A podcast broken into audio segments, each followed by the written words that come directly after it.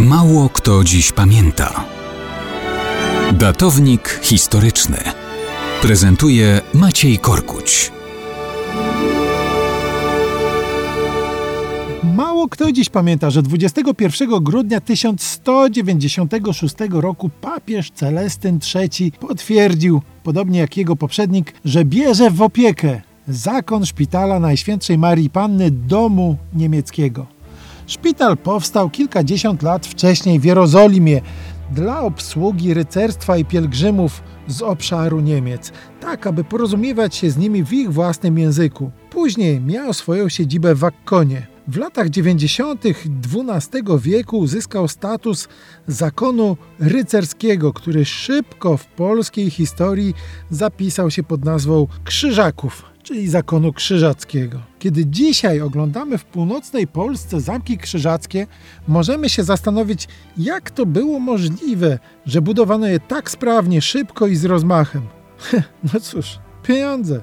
To nie jakiś nadzwyczajny zmysł organizacyjny i umiejętności, ale prozaiczna i aktualna również dzisiaj tajemnica się za tym kryła. Kapitał, bogactwo ściągane z Europy, dające możliwości inwestycyjne. Majątek zakonu szybko bowiem wzrastał z prostego powodu. W dobie krucjat zakon otrzymywał liczne nadania z jednej strony od cesarza, królów i książąt zaangażowanych w obronę Palestyny, by zakonników rycerzy zachęcać do walki z muzułmańskimi przeciwnikami a z drugiej strony inni królowie i książęta oraz możnowładcy poprzez nadania dla zakonu wykupywali się od obowiązku osobistego udziału w krucjatach na Bliskim Wschodzie. Zakon za te dobra niejako w zastępstwie za nich uczestniczył w walkach. Miał też możliwości mobilizowania w tym celu mniej majętnego rycerstwa. I tak już w połowie XIII wieku krzyżacy mieli oprócz głównej siedziby wielkiego mistrza aż siedmiu mistrzów krajowych, którzy zarządzali ogromnymi posiadłościami w Niemczech, Austrii, w Prusach i Inflantach, ale też